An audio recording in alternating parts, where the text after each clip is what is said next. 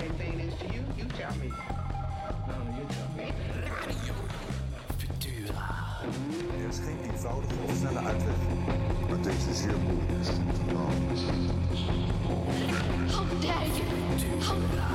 Our military has to be strengthened. Ik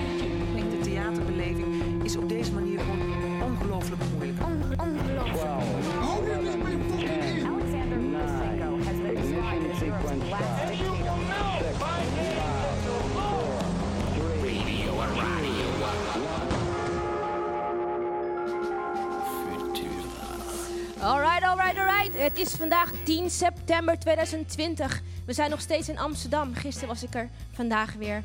Welkom bij Radio Futura, actieradio over kunst en de wereld. Mhm. Mijn naam is Dionne van en ik ben uw host voor vanavond. Samen met Gian van Grunsven en natuurlijk Frascati Producties maken wij elke woensdag, donderdag en vrijdag radio live vanuit Frascati 3 in Amsterdam. Ja, nog steeds. Naast dat je ons kan horen, kan je ons ook zien via de livestream. Hier ergens hangt een camera. Make-upje is al opgezet. Weet dat. Ehm, maar dat is voor de mensen die alleen maar meeluisteren. eh, je kan ons zien dus via frascatitheater.nl slash radiofutura 2020. Maar wil je ons live, live zien? Dan zou ik zeggen, kom gewoon langs. We zitten dus eh, ergens in de nest, ten hoogte van 63, denk ik, huis nummer 63. Ergens is er een steegje tussen Frascati 1, 2, 3 en 4. In dat steegje heb je een zware groene deur. Een soort branddeur. Daar moet je gewoon drie keer op kloppen. Twee keer hard, één keer zacht. Draai een rondje, doe een liedje en we doen misschien de deur open. Of je kan gewoon bellen. Je mag ook gewoon bellen op 0648 678648. En dan doen wij de deur ook voor je open. Ik bedoel, het is altijd gezellig om erbij te zitten. Het is een halfvolle zaal vandaag. Ik heb vier kanjers van gasten. Die ga ik straks aan jullie voorstellen. Ehm, maar voor de mensen in de zaal en voor de mensen die kijken. Hoi, hier zit ik. Ehm, we hebben van alles te doen. We hebben een LP-speler. Dus dat betekent dat als je denkt, ik voel me toch een DJ vandaag, mag je een plaatje opzetten. We hebben wat LP-platen. The Wizard of Oz is er ook. Voor de mensen die dat echt heel leuk vinden. Ik eigenlijk, alleen niemand doet het. Anyway, LP'tje. eh, wat we ook hebben, we hebben een bak of een emmer eigenlijk met wat quotes. Nee, we hebben een emmer met blaadjes en op de blaadjes staan wat quotes. Get it? En die quotes, ja, je mag er eentje uitkiezen, hardop eh, voorlezen. En dan kunnen we het erover hebben als een beetje discussievoer. Ik denk dat we genoeg te spre- bespreken hebben, daar niet van.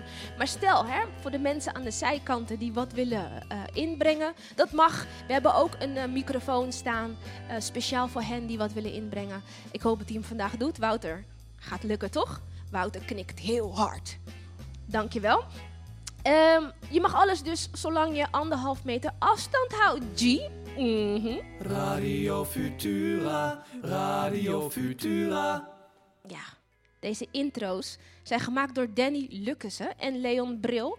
Ehm, net in onze intro hoorde je een fragment van Aquasi tijdens het protest, het Black Lives Matter protest op de Dam. Voor hen die onder een steen hebben geleefd, nou, op, 4, of 25 mei jongsleden, de dag dat George Floyd, een Afro-Amerikaanse man, werd vermoord tijdens een arrestatie in Minnesota, zijn er wereldwijd protesten geweest tegen politiegeweld en voor een eerlijk leven van zwarte mensen over de hele wereld. Black Lives Matter werd er geroepen. En nog steeds gelukkig. Bijeenkomsten, vreedzaam op de meeste plekken, soms verhit in dialogen, zowel privé als openbaar. En toch brengen deze gesprekken grote, goede veranderingen in de wereld. Mentaal, spiritueel, organis- organisatorisch, jeez, en zelfs fysiek. Nou, wat heeft eh, dit incident doen opbaren, openbaren? Maar vooral hoe bewegen zwarte makers, kunstenaars zich nu in de wereld? Daar gaan wij het gewoon vandaag over hebben. Zal ik gewoon mijn gasten voorstellen of niet? Genoeg geluld. Ja, hoor ik. Ik heb naast mij, eh, even kijken, tegen de klok in voor mij heb ik eh, Rachel Roemai zitten, Isabel Jansen, Milone Rijgman en Perry Gids. Ik ga ze gewoon een applaus geven.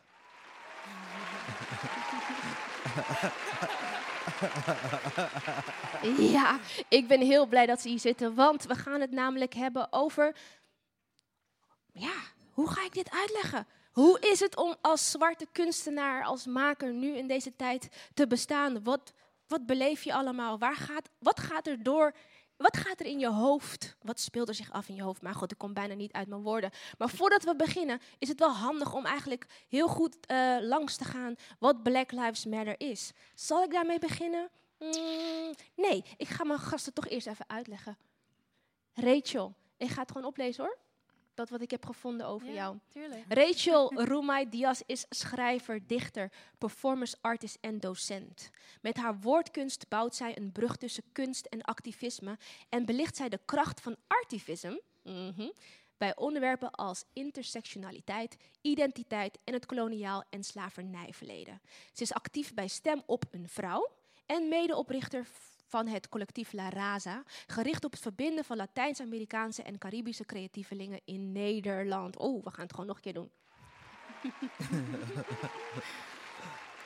Hoi Rachel, Hoi. ik ken jou natuurlijk gewoon van eh ja, Belmer Park Theater. ja, man. Ja. Daar eh, heb ik ooit een workshop gegeven, volgens Ja. mij. klopt. Of nee, jij volgde een workshop Poetry Lab. Poetry Lab. Ja. En toen ja, heb ik dat eh, een beetje aan elkaar eh, geregisseerd. klopt. Hartstikke klopt. leuk. Ik ben blij dat je er bent. Ja, dankjewel voor de uitnodiging. Graag gedaan, meid. En dan gaan wij naar, even kijken, we gaan van mij links, want ik kom straks bij jou.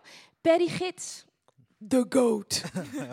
Zo noem ik je altijd. Want Perry Gids kan van mij alles. Like, he is een danser, een zanger, een performer. Na zijn studie Urban Contemporary Dance aan de Amsterdamse Hogeschool voor de Kunsten is hij onder andere te zien in de musicals, of was hij onder andere te zien in de musicals Dreamgirls en Hair. En is hij, hij als tenor in Zo Gospel Choir ook wel eens te horen, Mhm. nog steeds. Perry werkt ook als theatermaker en gebruikt in zijn stukken kunst als een politiek instrument om taboe-onderwerpen bespreekbaar te maken. Hij streeft daarbij naar een helend effect op de toeschouwers. Ook hier bij Frascati heb jij eh, wel eens je artisticiteit eh, onder de loep genomen, toch? We waren bezig, maar toen kwam Miss Rona. Miss Rona! Nee. dus we zijn, nog, we zijn nog in samenwerking, gelukkig. Gelukkig. Ja. Ehm, tegeno- welkom trouwens. Thank Ook jij eh, hebt heel veel te vertellen, maar straks daarover meer. Milone Rijgman zit tegenover mij. Hi girl. Goedenavond. Hi. Het is middag nog, toch? Ah nee, avond. Avond. Alleen ik weet niet hoe laat het is. Heftig. Milone Rijgman, artistiek coördinator van het Huis Utrecht. Zij wil zich vooral focussen op onderzoek en ontwikkeling binnen de podiumkunsten vergroten. En samen met huisdramaturg Marijn Lems vormt zij het artistiek profiel en de publieke programma's voor de organisatie. Mhm. Mhm. Rijgman wil daarbij nog meer ruimte creëren voor makers om hun eigen theatertaal te ontwikkelen en makers uit verschillende disciplines en achtergronden te betrekken. Eh, je hebt ook bij Like Minds gewerkt, toch? Klopt. Eh, nu niet meer. Nu niet meer. Nu niet meer. Nee. Maar je hebt ehm, de regieopleiding ook gedaan hier in Amsterdam. Je bent in 2010 afgestudeerd. Yes. Oeh, je bent dus een maker geweest. Je bent eigenlijk nog steeds, je bent een mogelijkheidmaker. Ik vond het een hele mooie. Ja. Wat je, wat je- Ik heb die ook maar net gevonden hoor. Maar die, ga ik, die gebruik ik. Hartstikke goed. Ja. Eh, even kijken. Dankjewel Milone ook dat jij erbij bent. Zeker. Eh, ook we go way back. We hebben een gemeenschappelijk nichtje. Juist, dat vind ik zo leuk. Ja. ik ken Milone kennen en ik ken elkaar al Ja. vanaf dat wij buiten gingen spelen. Ja. Ergens bij eh Zalig Tante Ja, Urgie. zeker, Ja. zeker. Ja. Oké. En dan eh, als allerlaatste, maar niet de minste, Isabel Jansen. Isabel, een multidisciplinair kunstenaar uit Amsterdam. Een visualizer in fotografie, cinematografie en grafisch ontwerp. In haar werk draait het om verbinden van merken met jeugdculturen en het creëren van impact. And we Yes. need that. Toch? Ja, definitely. Radio Futura, Radio Futura. ja, vind ik gewoon leuk. Ehm, Isabel, die heb ik ooit ontmoet op Instagram. Ja? Maar zo doen we dat, toch? Ja, zeker. Ik volg haar al een tijdje. En eh, Isabel, eh, voor de mensen die niet meekijken, is een witte jonge vrouw, mag ik dat zo zeggen? Definitely. En die zich zeker inzet voor. ehm, ja, voor wat niet eigenlijk. Ja. Eh, je kan je heel goed uitspreken over de Black Lives Matter kwestie. Zeker vanuit jouw positie. Dat heb je toen, naar mijn idee, zo accuraat geformuleerd dat ik dacht, die moet ik hebben. Toen heb ik haar geïntroduceerd bij Oerol, eh, de organisatie van Oerol. En toen zei ik, jullie moeten even naar haar luisteren, want ik wil niet meer praten. laat iemand anders dat doen. En toen deed je dat in een college van een uur lang. Super strak, super goed. En daar ga je ons een stukje van laten horen. Stukje. Want jij gaat ons natuurlijk vertellen, wat is eigenlijk Black Lives Matter? Kijk eens, ik ga je gewoon iets lekkers geven. Mm. Ik ga een papier erbij pakken. Oké. nou, Black Lives Matter. Voor de mensen die het niet weten, het is een, eh, een beweging die al heel lang er is. Het is begonnen in 2013 nadat eh, Alicia Garza op Facebook een bericht postte genaamd Een liefdesbrief aan zwarte mensen. Eh, is in Nederlands vertaald. Ze is Amerikaans, dus was allemaal in het Engels. In die brief stond de zin Our Lives Matter, Black Lives Matter. Eh, ze had de brief geschreven nadat een 17-jarige jongen, Trayvon Martin, werd neergeschoten door de witte zelf aangewezen buurtagent George Zimmerman. Eh, Patricia Color reageerde daarop met de hashtag Black Lives Matter en zij kreeg heel veel steun daarin van Opal Altamedi. Deze drie donkere Afro-Amerikaanse vrouwen hebben de beweging Black Lives Matter toen gestart.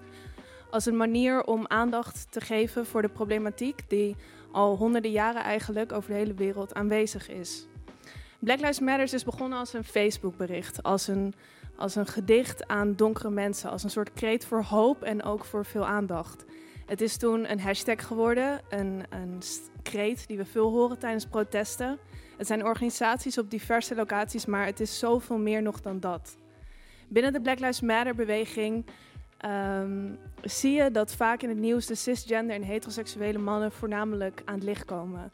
Maar binnen de beweging zijn de transseksuele levens en de queer levens zo enorm belangrijk.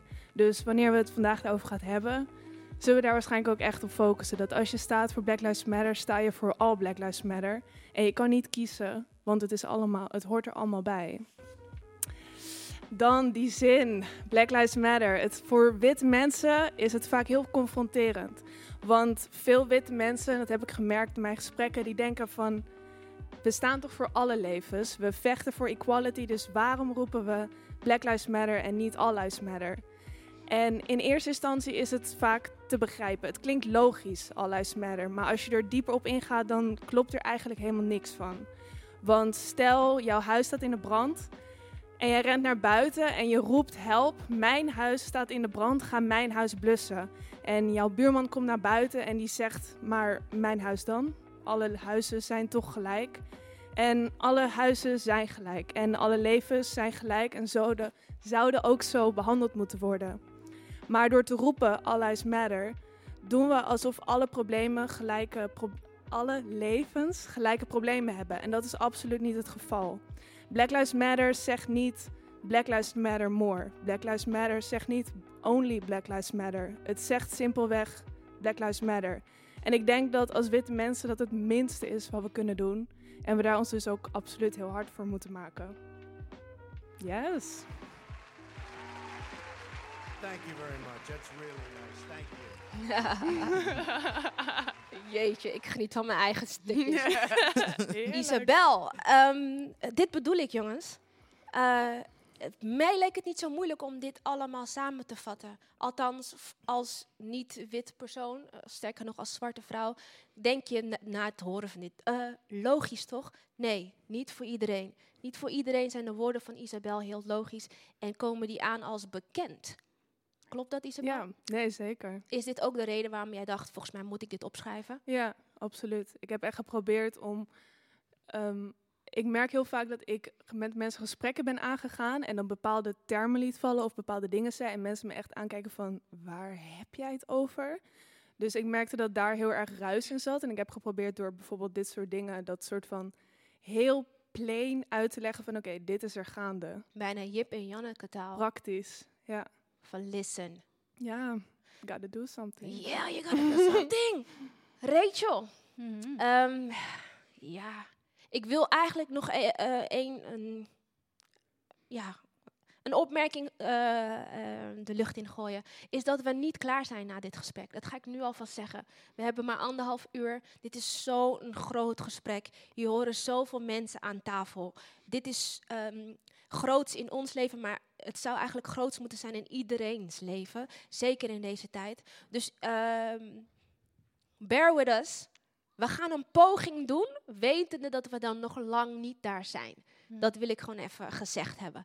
Rachel ken ik omdat Rachel ook vurig was op Instagram de afgelopen maanden. Ze heeft een hoop meegemaakt. We hebben het af en toe over gehad. We hebben in privé hebben we het erover gehad. Jij als zwarte maker heb je verbonden aan een aantal instellingen. En het ging mis. Mhm. Hoezo ging het mis? Daar gaan we het over hebben. Maar het ging vooral over de communicatieskills. Ehm, de woorden die je moet gebruiken. De understanding die er moet zijn tussen beide partijen. Maar ik wil toch eerst aan jou vragen. Hoe heb je de afgelopen maanden meegemaakt? Wat betekende het voor jou dat je een zwarte man dood zag gaan op beeld en eh, dat je daarover wilde praten, dat het je raakte, maar dat je in een leven zit waar je ook gewoon te maken hebt met emoties, gevoelens en werk? Hmm. Een grote vraag. Hele grote vraag. Wat ging er in je om in de tijd van de moord? Wat, wat ging er niet eh, in me om? Het was voor mij echt een emotional rollercoaster, waar ik heel erg eh, van de ene emotie naar de andere emotie weer terugging. En dan weer van kwaad naar verdriet, naar gefrustreerd. Maar ehm, het deed me vooral twee dingen beseffen. Allereerst dat ik het heel confronterend vond ehm, dat mijn allereerste gedachte was, oh alweer. Hm. En dat dat bijna een normaal iets aan het worden is. Dat mijn reactie ook is van, oh, het is weer gebeurd. En dat dit ook de norm aan het worden is dat wereldwijd eigenlijk zwarte levens in gevaar zijn. En in, in de geschiedenis zijn we natuurlijk al gewend dat het ons altijd al is verteld. Hè? Dus zwarte levens zijn minder ehm, door verschillende soorten mensen. En, en het, het blijft nu nog steeds heel erg hangen. En iets wat mensen dus niet beseffen is dat Black Lives Matter inderdaad niet betekent dat andere levens er niet toe doen. Maar dat we nog steeds echt honderden jaren achterlopen. Dat we nog steeds die gedachte hebben van, oh het gebeurt weer, maar dat hoort erbij. Dat, dat past nog steeds binnen deze tijd. Dus dat vond ik heel erg confronterend, om ook weer in dat rouwproces te gaan. Uh, omdat het ook weer voelt als iemand die heel ver van je staat, maar eigenlijk hebt gekend. En er ook erom huilt alsof het iemand is die je hebt gekend. En het tweede um, wat ik besefte was dat ik ook heel kwaad werd om het feit dat twee maanden daarvoor eigenlijk hetzelfde was gebeurd, alleen bij een zwarte vrouw, Breonna Taylor. Uh, volgens mij was het 13 maart. En ik begreep niet waarom toen de ophef veel minder was. En ik besefte ook van, ik ben, ik ben ervan bewust, er was dit, deze keer natuurlijk beeldmateriaal, wat het allemaal veel intenser maakt. Maar dat beeldmateriaal hebben we niet nodig. Want het beeldmateriaal is bewijs van die ongelijkheid en uh, hoe, hoe, crimineel het eigenlijk is, hoe, hoe met zwarte levens wordt omgegaan. En toch is het niet hard bewijs genoeg voor justitie en voor, um, ja, voor justice echt. Dus en waar onmacht en die. Ja, ja gewoon heel erg uh, wanhoop ook. Wanhoop. En hoe zit het dan met Breonna Taylor? En waarom, waarom zijn we niet toen op straat gaan protesteren? Waarom, waarom, waarom is dit dus wel de druppel? Je bent, nou, je bent wel de straat op gegaan. Ja. Ondanks de lockdown zijn wij met z'n allen de straat op gegaan. Ook jij, Perry Gids. Mm -hmm. Stond jij op de Dam? Yes. Hoe heb jij dat ervaren? Um, ik vond het um, fijn om met elkaar te zijn na zo'n lange tijd. Ik vond het fijn dat um, er ja, gewoon dat solidariteit was tussen vooral de zwarte gemeenschap. Want dat is er ook niet heel veel. Dus ik vond het fijn dat um, de organisatie zwart was om te laten zien wat wij meemaken. En ook die representatie is heel belangrijk. Dus voor mij was het echt een heel fijn moment om ons stem te laten horen. Het is, voor mij is Black Lives Matter niet echt iets nieuws, want dit is gewoon ons leven. Dus voor mij, ja, het was fijn om met elkaar te zijn, maar we zijn nog lang niet waar we moeten zijn. Dat was een momentopname en inderdaad getallen. Maar ja, is het een hype? Is het, is het een brand aan het worden? Is het um, alleen de aantallen? Wat doen we echt in praktijk?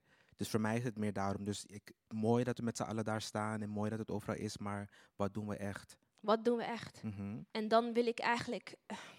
Het is nu al heel veel, hè? We hebben het net gehad over, maar waarom gaan we nu pas de straat op? Hmm. Want daarvoor waren er andere doden en ook vrouwelijke slachtoffers. Uh, wat is dan anders bij George Floyd? Maar ik hoor ook, dit is zo dieper dan dit. Ook de Mhm. gemeenschap die wel bij elkaar kwam, maar dat je die samenhorigheid daarvoor niet altijd even voelde.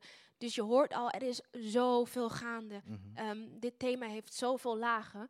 Nogmaals, we gaan niet alles heel diep kunnen aanraken, maar we doen ons best. Eh, wij zijn met z'n allen makers, creatievelingen ook. Milone, ehm, behalve dat je een maker bent, een mogelijk maker, ben je ook een maker geweest. Ehm, you must reflect on the times. Het is een quote die ik niet helemaal netjes heb getrokken van Nina Simone. But do we reflect the times? Wij niet-witte makers in Nederland. Eh, en in welk opzicht bedoel je dat dan? Ehm, omdat het zo heet is geweest de afgelopen maanden, ehm, lijkt het erop alsof eh, ehm, je de actualiteit ook op, de, op het podium neer wil zetten. Terwijl dat doen we eigenlijk al een tijdje. Ja. Werden we toen gehoord of niet? Nee, ik denk dat als je, als je kijkt naar hoe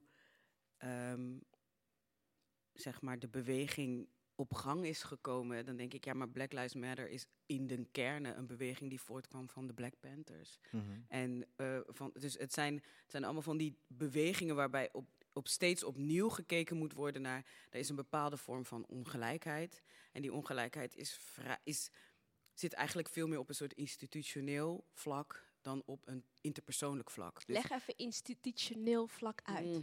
voor hen die het nog niet duidelijk Nou, eh, wat ik daarmee wil zeggen is dat op zich, ik denk dat er, wat er gebeurde op het moment dat. Het was niet alleen dat George Floyd eh, ehm, werd, eh, door de politie werd, eh, ehm, om een klein vergrijp eh, desproportioneel werd aangepakt. Het was het feit dat we in corona zaten. Het was het feit dat we niet afgeleid waren. Het was het feit dat we zagen. Maar weet het, dit zijn zwarte mensen. Wie werd het meeste geraakt door corona in Amerika? zijn zwarte mensen. Want die doen de essentiële beroepen. En die zitten. Die kunnen niet thuis blijven. Want ze hebben niet, weet ik veel, buffers of vangnetten of geld, kunnen niet weg. Dus dat was heel duidelijk. Dus het was een groep, het was oneerlijk. Die oneerlijkheid en dat die oneerlijkheid zo geregeld lijkt, eh, was ineens heel zichtbaar. Daarvoor ging het gesprek de hele tijd over ja, maar ja, en maar ik heb het ook zwaar. En wat is dan wit privilege en bla bla bla bla bla. En ineens was dat allemaal weg en konden we dat allemaal zien. En konden we ook niet meer wegkijken. En als je het hebt over de geschiedenis, ja, want dat blijft zich steeds herhalen. Omdat degenen die geld hebben, blijven geld houden. Degenen die macht hebben, die geven dat door aan hun generaties.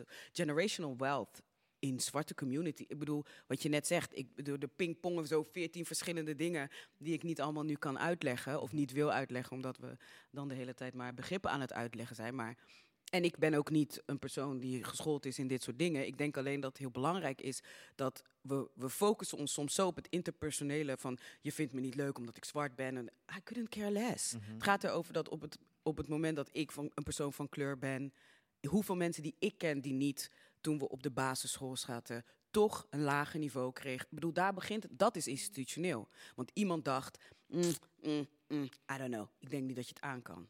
Weet je? En daar begint het al. Want daar En nog iets, want ik kan me heel goed voorstellen dat men die luistert, die denkt, ja, maar dat is allemaal een oceaan verder aan de hand. Hoezo hier? Juist, en dat is ook wat ik wil zeggen. Die vergelijking is heel, is dus, het is, ik zal nooit zeggen dat datgene wat daar in Amerika gebeurt, dat dat te vergelijken is met hier.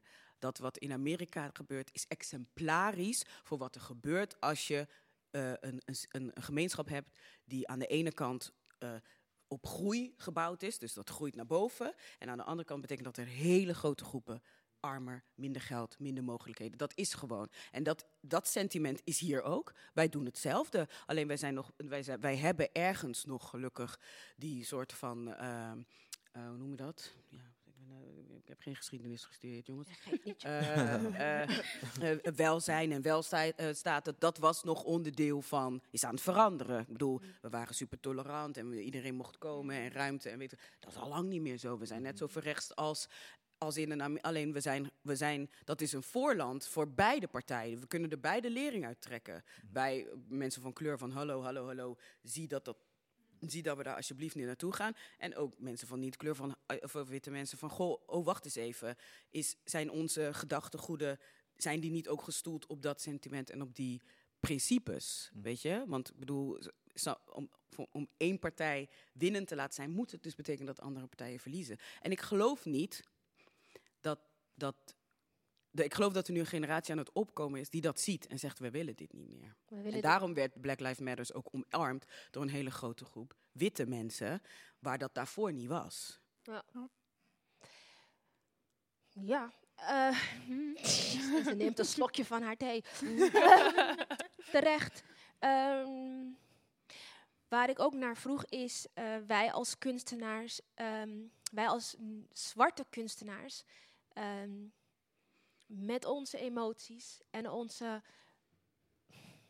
hoe zeg je dat, Gene, onze trauma's meegenomen of gekregen vanuit, gedragen in onze genen, laat ik het even zo zeggen, voelen ons soms genoodzaakt hier wat mee te doen. En toch heb ik gemerkt dat mijn collega's, zwarte makers, denken, ah, ah, not gonna talk about this anymore.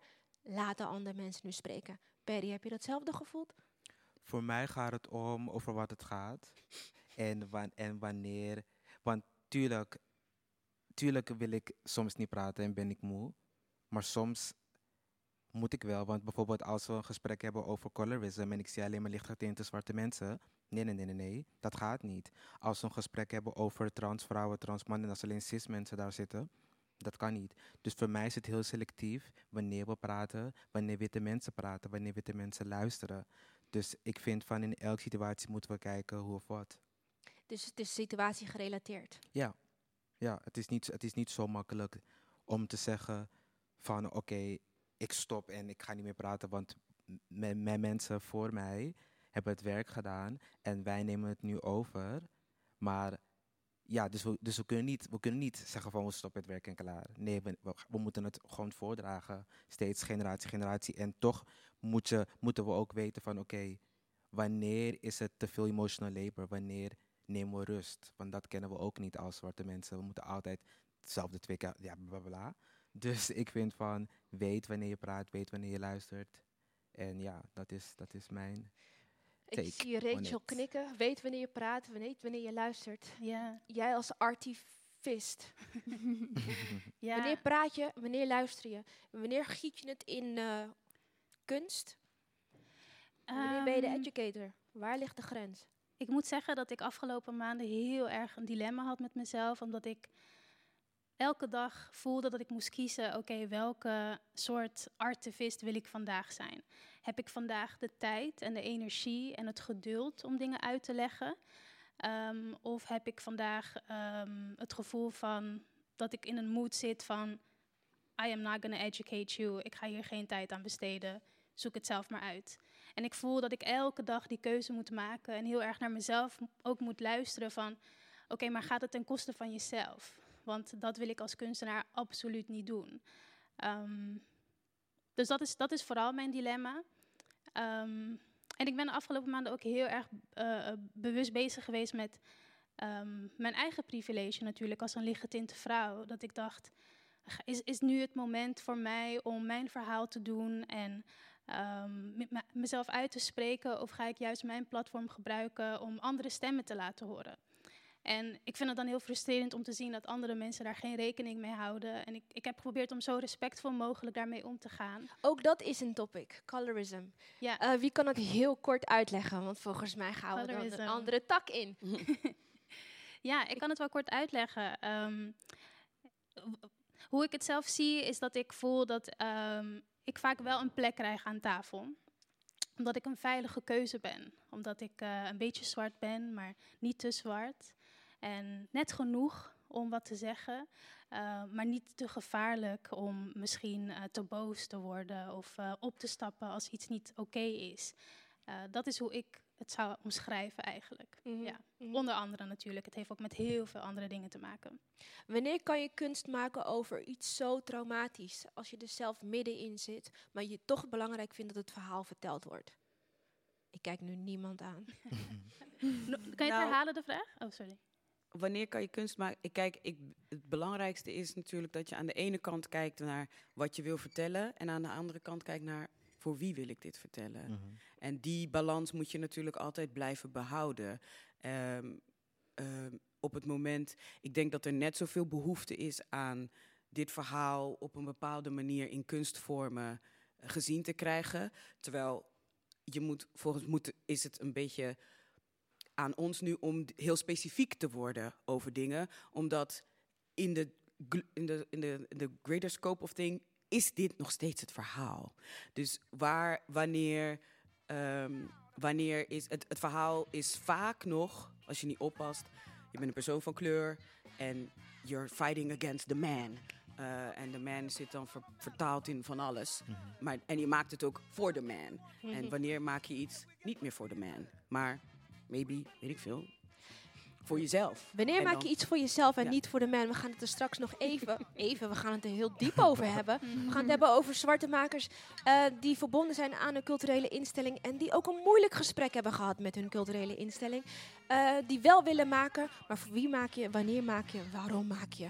We gaan nu gewoon luisteren naar Say It Loud. Ik zou het niet spelen, maar ik doe het wel. Van James Brown. En dan kom ik zo eh, terug.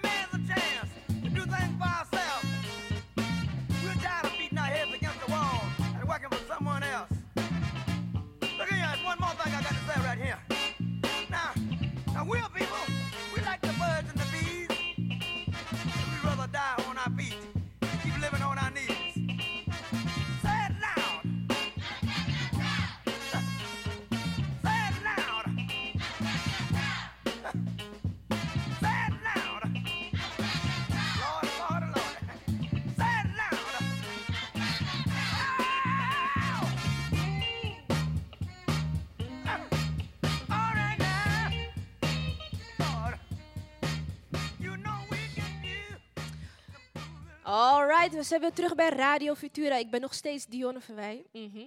En ik zit hier nog steeds met Rachel Roemai, Isabel Jansen, Milone Rijgman en Perry Gids. Eh, de meeste van ons, we zijn allemaal makers. Eh, we zijn allemaal makers met een, een niet-wit, of eigenlijk wil ik zo zeggen met een zwart hart. Eh, want we hebben wel allemaal andere huidskleuren. Maar ehm, we worden gezien als zwarte makers. En zwarte makers worden gekoppeld aan culturele instellingen in Nederland die best wel wit zijn.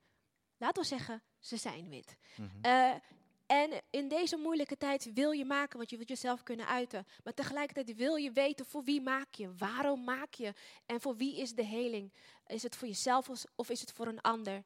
Perry, je bent een zwarte maker. Je hebt te maken gehad met eh, witte instellingen, waarin je een aanvaring hebt gehad, of laten we het zeggen, een gesprek moest er zijn over wat gebeurt er nu in deze wereld en wat is mijn verantwoordelijkheid hier nu als zwarte maker. Hoe ging dat? Het is, het is, ehm, ja, het is, het is, het is een moeilijk onderwerp. Niet echt voor mij, maar voor de witte instellingen. Want zij worden geconfronteerd met de realiteit. Mhm. Zij worden geconfronteerd met het feit dat ehm, heel vaak wat instellingen denken dat ze ervaring hebben. Maar je hebt nu niet alleen te maken met professionals. Je hebt niet alleen te maken met ehm, mensen die jarenlang hebben gestudeerd en hebben gewerkt. Maar je hebt ook gewoon te maken met een ander leven, andere ervaringen. Dus voor mij, tuurlijk, je kan zeggen je bent 20 jaar in het vak. Maar met wie, met wie maak je werk? Waar gaat het over? Kennen ze jou? En jouw cultuur en jouw achtergrond? je kan, je kan studeren, je kan een soort van antropologie-studie gaan studeren. maar in de praktijk gaat het altijd anders zijn. Dus dan komen we weer bij het, bij het gesprek van luisteren. Dan komen we weer bij het gesprek van als je wit bent, witte regisseur, witte maker, doe je voorstudie. En niet je voorstudie op mij, want ik ben geen object, maar je voorstudie op hoe jij je plek moet kennen, hoe jij je plek moet afstaan. Wanneer, en, dan, en dan hoe jij te werk gaat. Dus als je voorstudie gaat doen, niet, niet mij gewoon zien als een object. Daarom vind ik withuiswerk.nl geweldig. Want daar gaat het echt om, oké, wat is mijn privilege? Oké, wat is white supremacy? Oké, wat is white fragility? Dus het gaat eigenlijk gebaseerd op wit in plaats van op ons. En op hoe wij ons voelen en wat wij moeten doen. Dus ik vind van, als, ja, een witte instelling, ik vind van, doe je huiswerk. Doe je huiswerk. Ja. Het ging erom dat als je een maker in huis haalt, wat haal je daadwerkelijk in huis? Mhm. Haal je een persoon met een donkere huidskleur binnen of haal je een achtergrond binnen? Haal je een geschiedenis binnen? En daar vind je dat er tekort in is geschoten. Ja, want ik denk, we praten steeds over dezelfde onderwerpen. Als ik met mijn mentors praat, dan praten ze eigenlijk over hetzelfde. Denk ik van, maar dat kan niet. Waar praten ze over dan? Ze praten over, er zijn genoeg zwarte spelers, maar zijn er genoeg zwarte makers? Mm. Zijn er genoeg zwarte theatergezelschappen, zwarte regisseurs, zwarte geluidsontwerp, lichtontwerp? Dat is er niet. Dus tuurlijk is er in het, eh, in het vak zijn er genoeg van ons, maar is het is, is, is de hiërarchie die we, die we naar kijken, is dat ook herkenbaar? Is dat, representeert dat ook all black lives? Nee. Dus het gesprek moeten we nog steeds voeren. En wiens verantwoordelijkheid is dat? Wie mag zo'n gesprek initiëren, Milone? Eh, ik denk dat, het, eh, dat je dat. Kijk, wat heel ingewikkeld is. Ik wil eerst nog iets zeggen. Zeker, over- zeg maar. Eh, als ik Perry hoor praten, denk ik, daar had ik het gisteren ook met iemand over. wat fijn dat er nu een vocabulaire is. Toen ik op school zat, white fragility, white privilege, eh, eh, black awareness, awareness van jezelf over, oh wacht eens even, dit komt daar vandaan. En dat, dat was er allemaal niet. Dus gewoon het feit, dus, het, dus van wie heeft de verantwoordelijkheid? Het was woorden vinden voor dingen waar je geen woorden, white, eh, wat was het ook alweer, microaggressions en Mhm. micro-discrimination, Mhm. was er allemaal niet. Nee. Dus het was, de woorden waren, racisme is dit, dit is dat, privilege pff, is jouw probleem, Zwarte Piet is racisme. Ik bedoel, ik heb dat nog, ik heb dat geboren zien worden. Mm. Ik heb geboren zien worden hoe dat begon als een gesprek wat geïnitieerd werd en dat werd een activistische partij.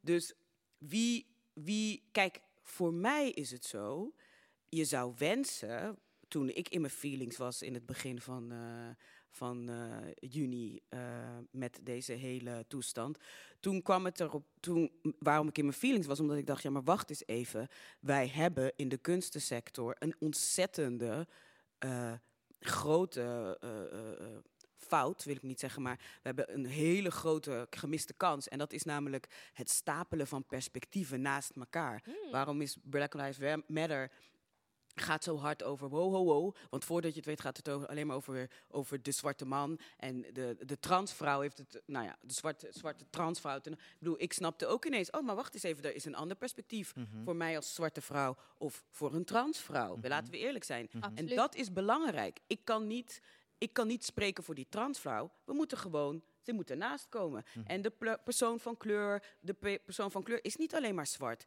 persoon van kleur is Indisch, is, eh, is eh, Marokkaans, is Turks. Het zijn allemaal verschillende perspectieven op de wereld. Met andere achtergronden, met andere geschiedenissen. Dat is een gemiste kans. Daar moeten wij, wij als instellingen, en ik vertegenwoordig nu, ons ontzettend voor schamen. En daar moeten we eigenlijk in eerste instantie mee door het stof. En wat er nu gebeurt is, oké, nou dan gaan we dit halen of dat halen. We moeten er bij ons te raden gaan, waarom was het niet belangrijk? Want het was altijd belangrijk. We zijn een kunstpraktijk. We vertegenwoordigen dingen van de wereld die voor anderen niet zichtbaar zijn. Dat zien wij. En, maar toch zijn al die instellingen zijn, zijn, gaan- zijn gaan werken in... oh ja, dit zijn, hoe je het went of keert, toch mensen... die allemaal ongeveer dezelfde perspectief hebben op de wereld. Zonde, jammer. Laten we daar alsjeblieft vanaf vandaag mee stoppen. En, dan, en daarnaast het gesprek over, oké, dit is aan de hand. Go do your homework, want dat had je al lang moeten doen. En dan vind ik in principe dat iedere directie dat in zijn, in zijn instelling moet gaan initiëren. Dus ik vind die verantwoordelijkheid niet per definitie bij de maker. Want wat je de- ook de hele tijd merkt is, dat is dat opvoedige wat je in je gevoeld hebt. Je denkt, oh ja, dus ik ben hier op school en nu ga ik jou uitleggen iets over mijn cultuur, bla bla bla bla. Ik ben aan het overdragen. Ik ben niet bezig te leren nu. Weet je, waar gaat het nu eigenlijk? Ik heb helemaal geen tijd om na te denken, want ik moet jou eerst ervan overtuigen of duidelijk maken wat dit is. eh, voordat we kunnen praten over hoe ga ik hier eh, mezelf in eh, verder ontwikkelen. Dus ja, waar ligt de verantwoordelijkheid? Voor mij, voor een heel groot gedeelte bij instellingen zelf. Weet je? Ja, eens. eens. Ik denk dat het heel belangrijk is om gewoon een, een safe space te creëren voor een maker. Wat is Ehm, een safe space? Een safe space. Nog zo'n ehm, term. Nog zo'n term, ja.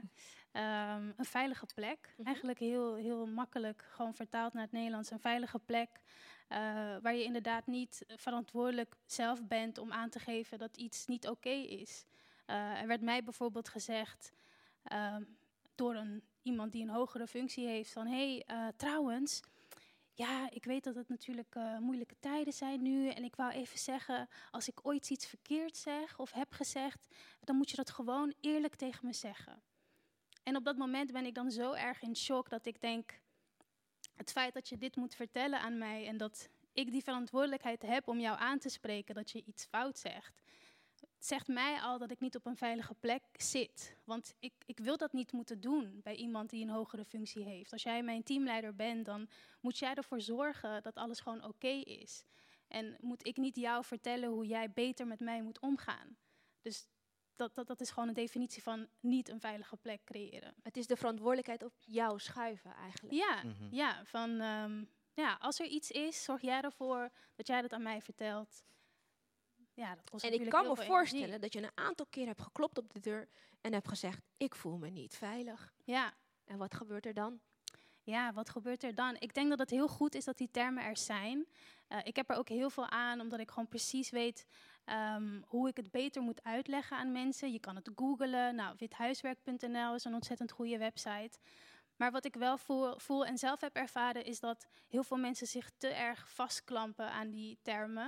En dan heb ik het over witte mensen. En dat ze dan ook gaan nadenken voor zwarte mensen. Dus dat er discussies ontstaan in een groep waar alleen maar witte mensen zijn over, ja, dus als we dit gaan doen, ehm, nou, dan, dan gaan zwarte mensen zich zo voelen. Dus nee, dat gaan we dan niet doen. In plaats van dat ze het natuurlijk gewoon ook kunnen vragen aan een zwarte maker. Ehm, waardoor je weer niet een safe space eigenlijk creëert. Want je En hebt komt zwarte dat dan, makers. komt het dan omdat, en dan kijk ik stiekem ook Milone aan, omdat er in directies en eh, functies naast alleen de uitvoerende maker weinig mensen van kleur zitten? Ja, Nog. ja, dus over die gemiste kans gesproken, ja. Dus heel, heel cru gezegd, het deed er lang genoeg op een bepaalde manier niet toe. En dat klopt niet. Dus daar, daar komt dat orenkrabben in eerste instantie vandaan.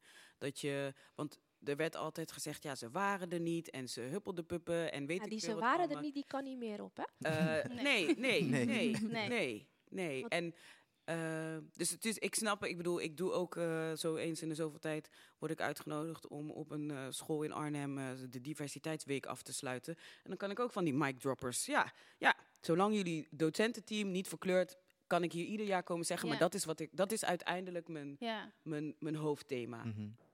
Weet, je- weet, dus sommige dingen zijn simpel en niet simpel. Want Ja. ik weet ook wel, dat schreef ik in mijn artikel ook. Ik weet ook wel dat er zijn er gewoon contracten waardoor mensen niet kunnen opschrijven. Ik bedoel, ik snap ook wel dat de politics van de dingen moeten we ook niet uit het oog Mhm. verliezen. Maar in de kern zijn sommige dingen heel simpel. En kijk, ik vind het interessant, want we hebben het over kunst. Dus we hebben het over iets wat ontzettend eh, subjectief is. En dan heb je het over kunst op een bepaalde manier van hoe kan je daar dus in groeien. Dus dan probeer je op een bepaalde manier ja, uitgangspunten te creëren. Of wanneer is, eigenlijk is iets, je hebt iets gezien, het heeft je geraakt. En ben gaan terugrekenen naar waarom is dit eigenlijk goed? Waarom werkt dit? Waarom heeft dit mij? Enzovoort, enzovoort, enzovoort.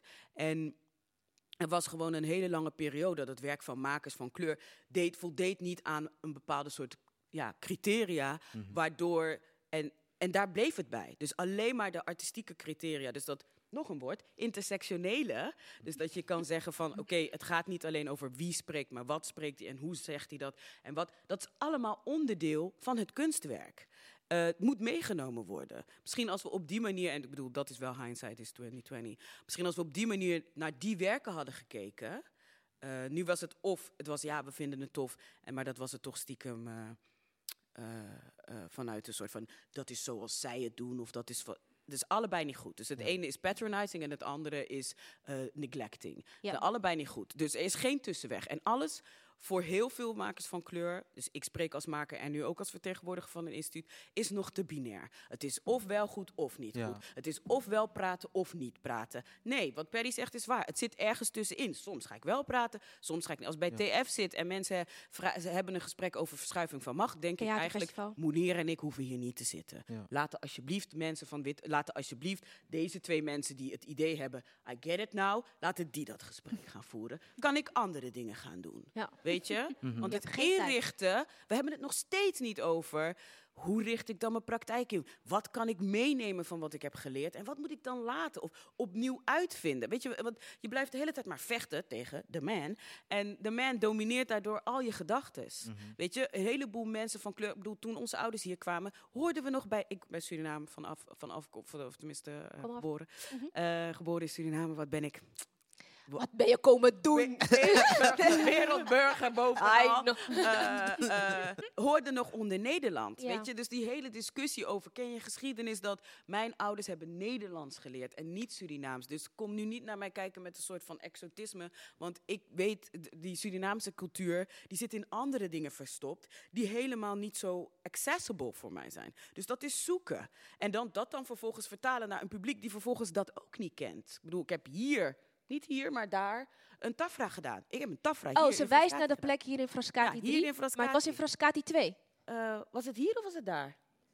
In twee. En wat is een tafra voor de Een mensen het tafra, eh, heel kort, is een Surinaamse ritueel waarbij je zeg maar eh, connectie probeert te maken met ja, de mensen die bij je, je engelen beschermen. je voorouders, je beschermers. Ja, Eh, en dat was een theatrale eh, tafra. Dus, eh, En, en dat, ze dat? Werd het aangenomen?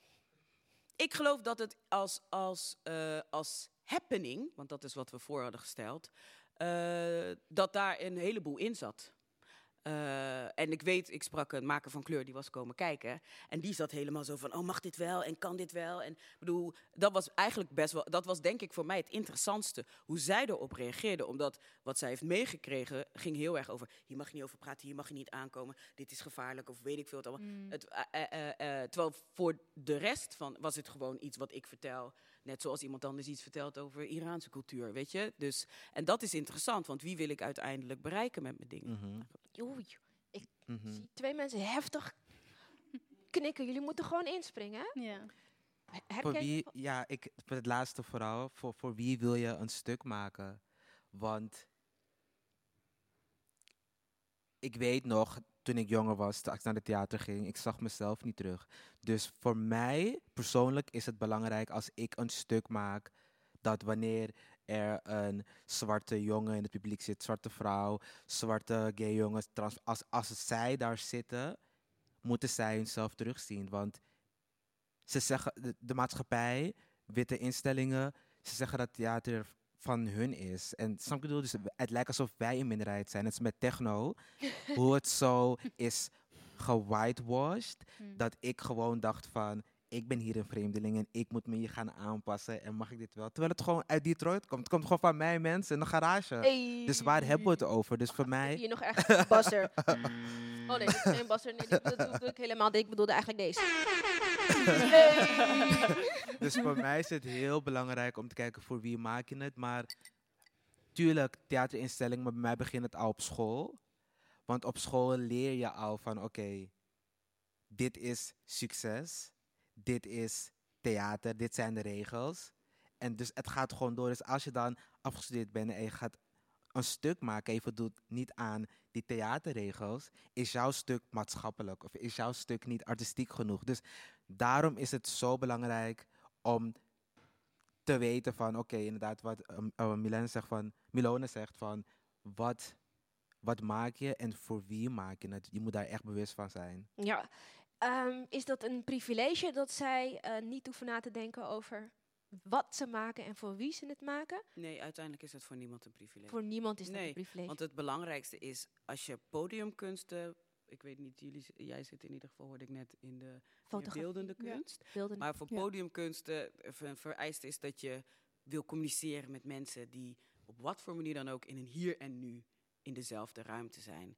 Dus die vraag gaat voor iedereen op. Ja. Eh, iedereen die maakt, gaat nadenken, op welk moment dan ook, over, het zit in de balans, wat wil ik uiten en, wat, en hoe moet dat aankomen? En is dat eh, eh, eh, wie, voor wie, en niet zozeer wie is mijn publiek, als in doelgroepenbeleid, maar gewoon meer wie wil ik bereiken? Weet je, dus wat jij zegt van wie is voor mij. Ik geloof niet dat je heel veel mensen wil bereiken. Je wilt een paar mensen bereiken. En het is natuurlijk super tof als je merkt dat dat werk groot bereik heeft. Dat is wat we willen. Want met groot bereik, ja, dan betekent dat je werk communiceert en dat meerdere mensen op wat voor manier dan ook kunnen reageren. Dus het is Maar jij hebt ook mensen op plekken die, ondanks dat je ehm, niet per se hoeft te beginnen met eh, zoveel mensen moeten dit bereiken of meerdere mensen moeten bereiken, weet je wel dat de kijkers en de kenners eh, vanuit een eurocentrische blik kijken. Omdat, Mhm. ja, laten we eerlijk zijn, we zijn nog steeds in Nederland. Het publiek is nog steeds bij heel veel voorstellingen grotendeels wit. Ehm, kunnen wij het ons veroorloven om dan alsnog te denken, ik maak dan voor die twee mensen die mij wel begrijpen en de codes Nou ja, van mijn cultuur geloof ook dus niet dat, begrijpen? dat, dat die. Ik ben dus niet helemaal overtuigd van het feit dat omdat ik bepaalde mensen voor ogen heb Mhm. die ik wil bereiken, dat dat per definitie zou betekenen dat dat niet een wit publiek. Alleen eh, denk ik, ik vind een goed voorbeeld. We gaan het hebben over haar van eh, Dorothy en Jamani. Eh, Dorothy Blokland. Dorothy Blokland en Jamani Jamani Blakman. eh, Blakman. Blokman en Blakman. Ja? En die hebben een, vind ik, een voorstel gedaan voor een vrij This is for Black People voorstelling. Het gaat over zwart haar en het gaat over de zwart haar ervaring. En ik heb al een paar keer mensen die niet zwart waren meegenomen naar die voorstelling. En die vonden het ook een ontzettende ervaring. Dus ik denk dat die, dat, dat, die gedachte is vaak gebruikt om mensen ervan weerhouden dat ook echt uit te proberen. Ja. Is het al zo vaak gedaan? Hebben we dat al zoveel gedaan dat we kunnen zeggen: nee, dit, dit, hiermee sluit je. We zijn nog niet eens aan het begin daarvan.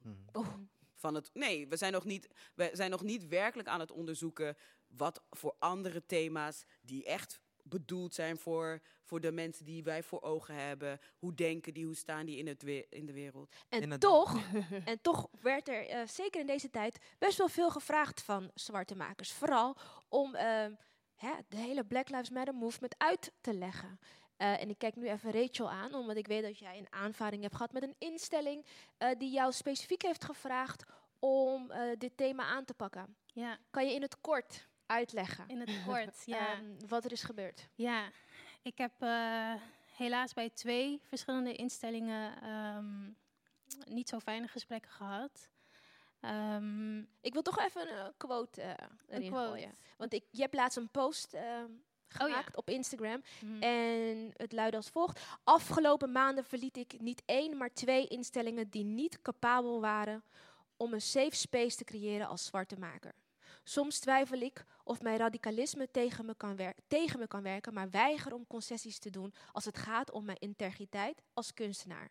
Er gebeurt veel achter de schermen en vaak weet je niet wat er bij prominente instellingen afspeelt. Wij zijn er nog lang niet. Wees niet bang om kritisch te zijn. Mm. Jij was super kritisch. Ik was super kritisch, ja. Tel ja. Ehm, ja, het, ik- het, het, het gesprek bij één instelling ging vooral rondom ehm, het hele bekende zwart vierkantje, wat natuurlijk gepost is op Instagram door heel veel mensen onder de hashtag, eh, volgens mij Blackout Tuesday was het. Ehm, en sommige instellingen en bedrijven, organisaties, nou, zijn dat natuurlijk ook gaan posten. En eh, vooral in de kunstsector is er ontzettend veel kritiek geweest.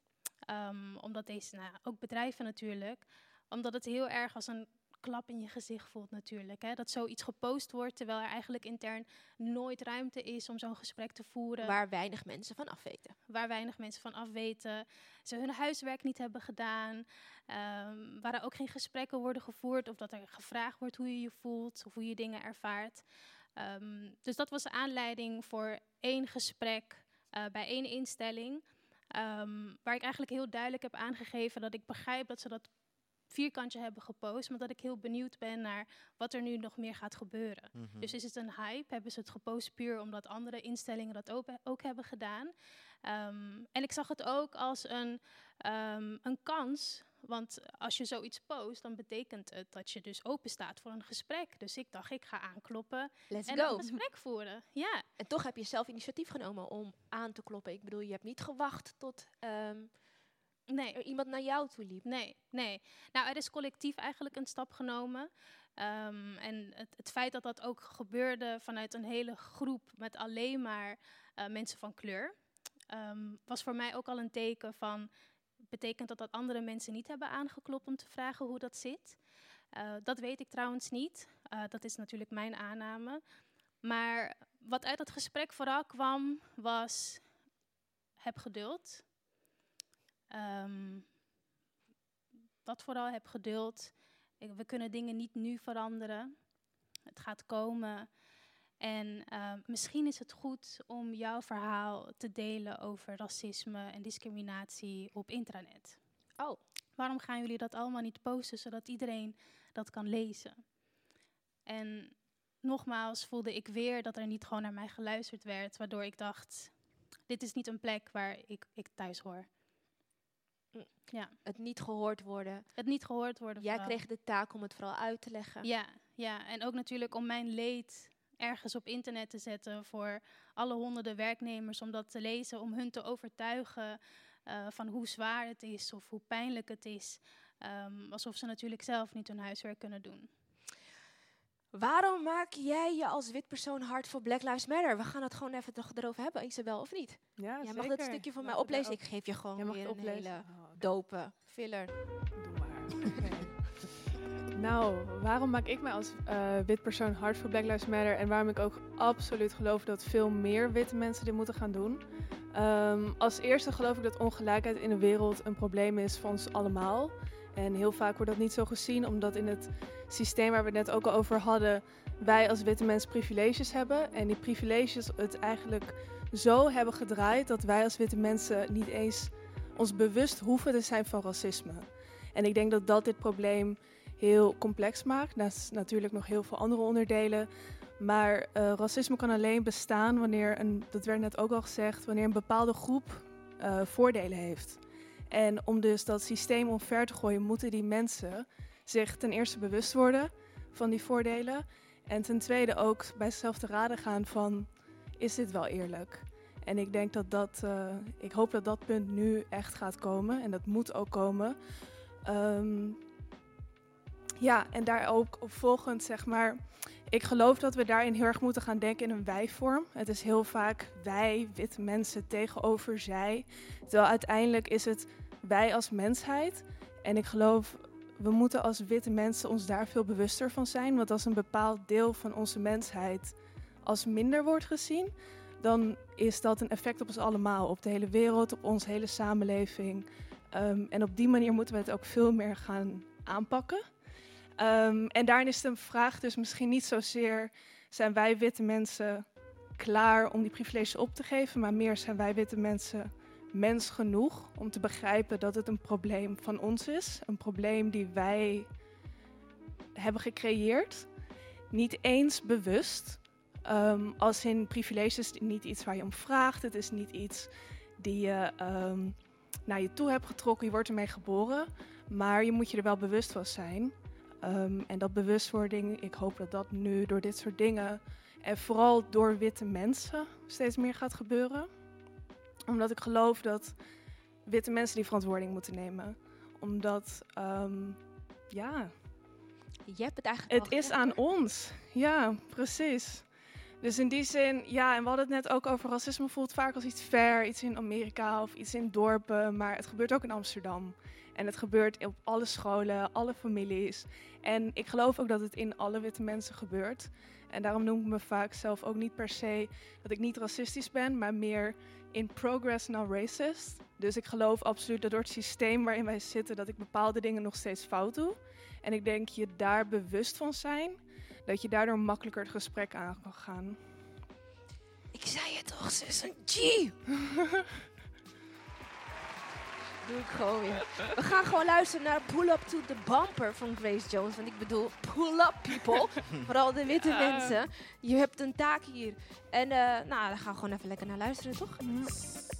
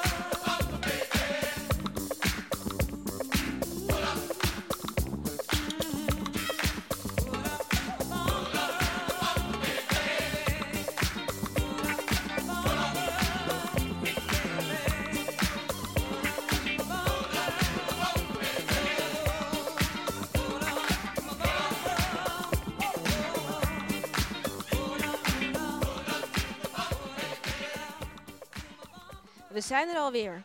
We gaan het gewoon even dit doen. eh, we gaan even kijken. Radio Futura, Radio Futura.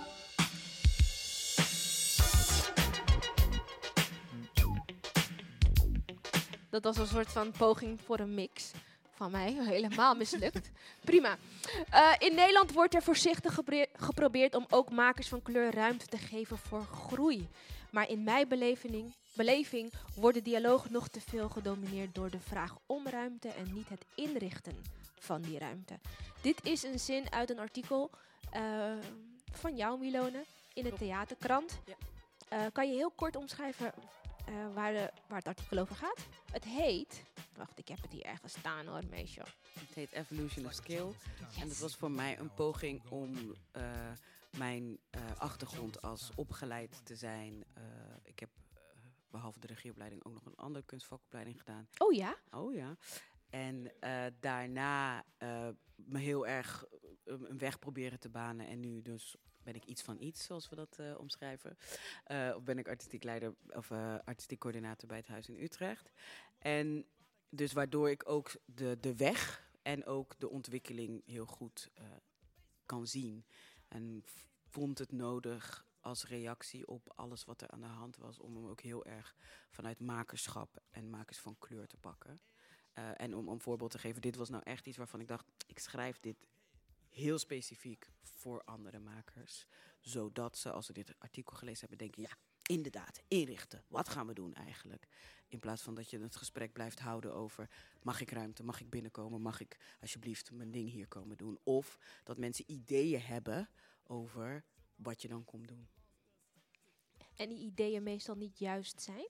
Ja, of, of dan toch, te, wat Perry net ook zei, te weinig kennis of, of, of, of dingen gaan projecteren. Of, want die, die zwarte geschiedenis is gewoon in geschiedenis, kunst, dus nog niet eens kunstgeschiedenis, maar gewoon in geschiedenis, krijgt geen ruimte.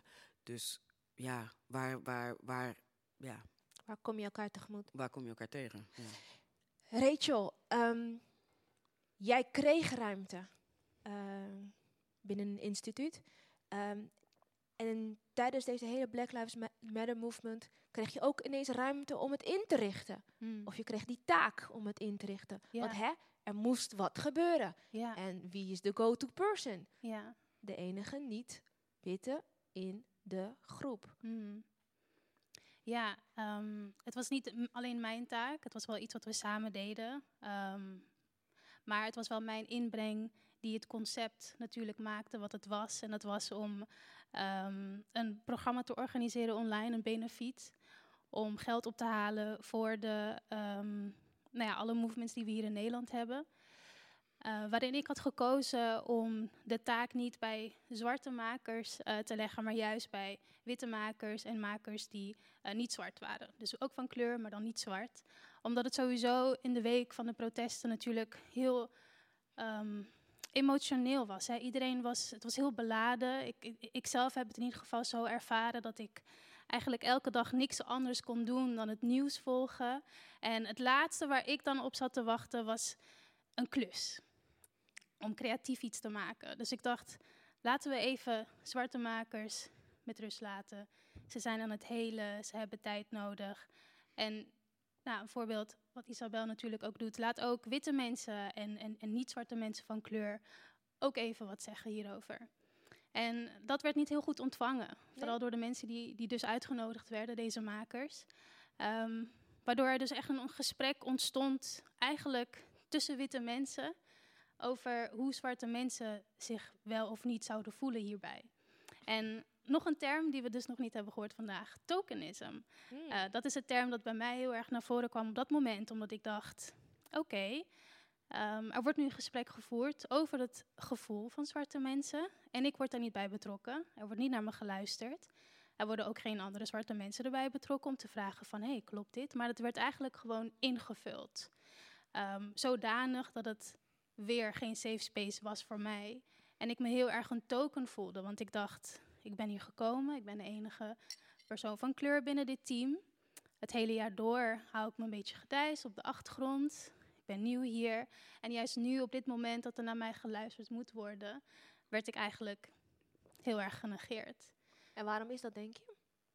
Ehm, ik denk vooral ongemak, wit ongemak. Ehm, het was gewoon heel ongemakkelijk, denk ik, voor ze om dat gesprek aan te gaan. En ik denk ook heel erg eh, vasthouden aan termen als wit, wit privilege en niet te veel plek willen innemen en ehm, dingen Wie niet? goed doen. Wie, wie wilde niet? Witte mensen, ja. Wilde geen plek innemen. Ja, ja. Dus ehm, ik denk mensen die, die, die zichzelf zien als heel woke. En eh, denken dat ze alle boeken gelezen hebben en studies gevolgd hebben. En heel goed natuurlijk weten hoe het is voor zwarte mensen om bepaalde dingen te ervaren. En dan dingen voor ze gaan invullen. De allies. Ja, de allies. De allies die eigenlijk niet naar je luisteren wanneer ze moeten luisteren naar je. Hm. En wat gebeurde er toen? Eh, wat gebeurde er toen? Ik, ehm, ja, het was eigenlijk een wake-up call. Ik voelde me op dat moment heel erg een token. Omdat ik dus dacht van, oké, ik ben hier. Er wordt niet naar me geluisterd.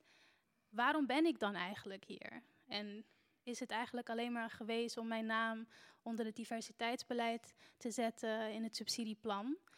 Ehm, ja, als Want had je dat idee? Eh, ja, want ik heb het subsidieplan gezien. Oh. ja. Ehm, dus ik, ik ben per direct eh, eruit gestapt. Ja. Jeetje. Grote stap. Ja. Maar het voelde wel goed. Ja, het was ook heel, een hele emotionele stap. eh, waarin ik ook heel duidelijk heb uitgelegd waarom en wat mijn andere beweegredenen waren. En dat het ook gewoon gestuurd heb naar ze in een mail. ehm, omdat ik er verder ook niet meer over wou praten. Ja. Het was voor mij niet, ik ga nog een waarschuwing geven.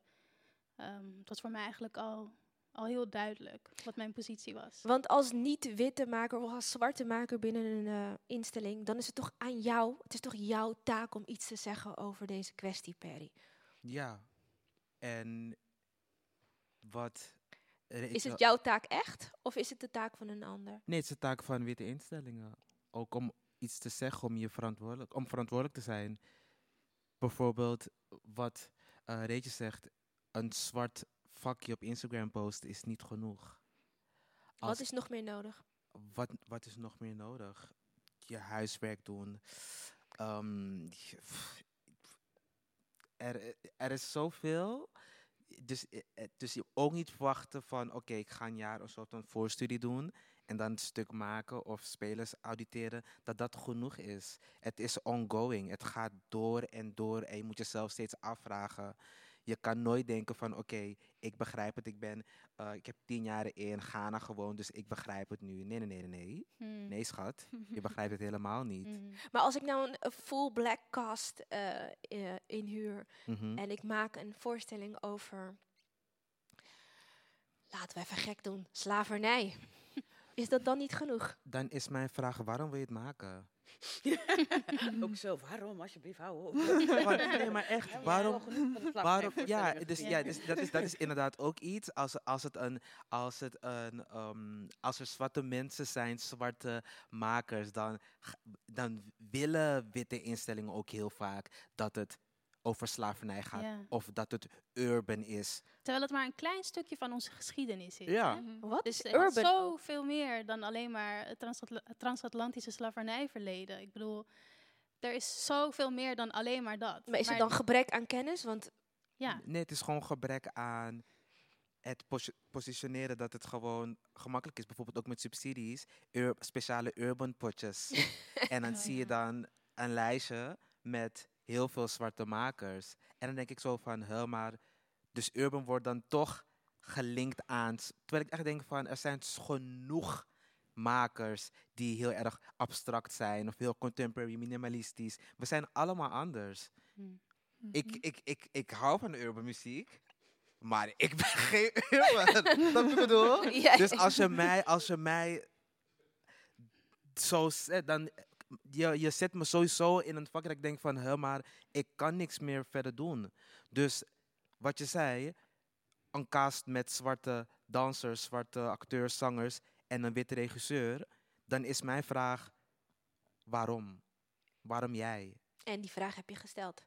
En die vraag heb ik gesteld. Wat was het antwoord? Het antwoord was, wij hebben jarenlang ervaring.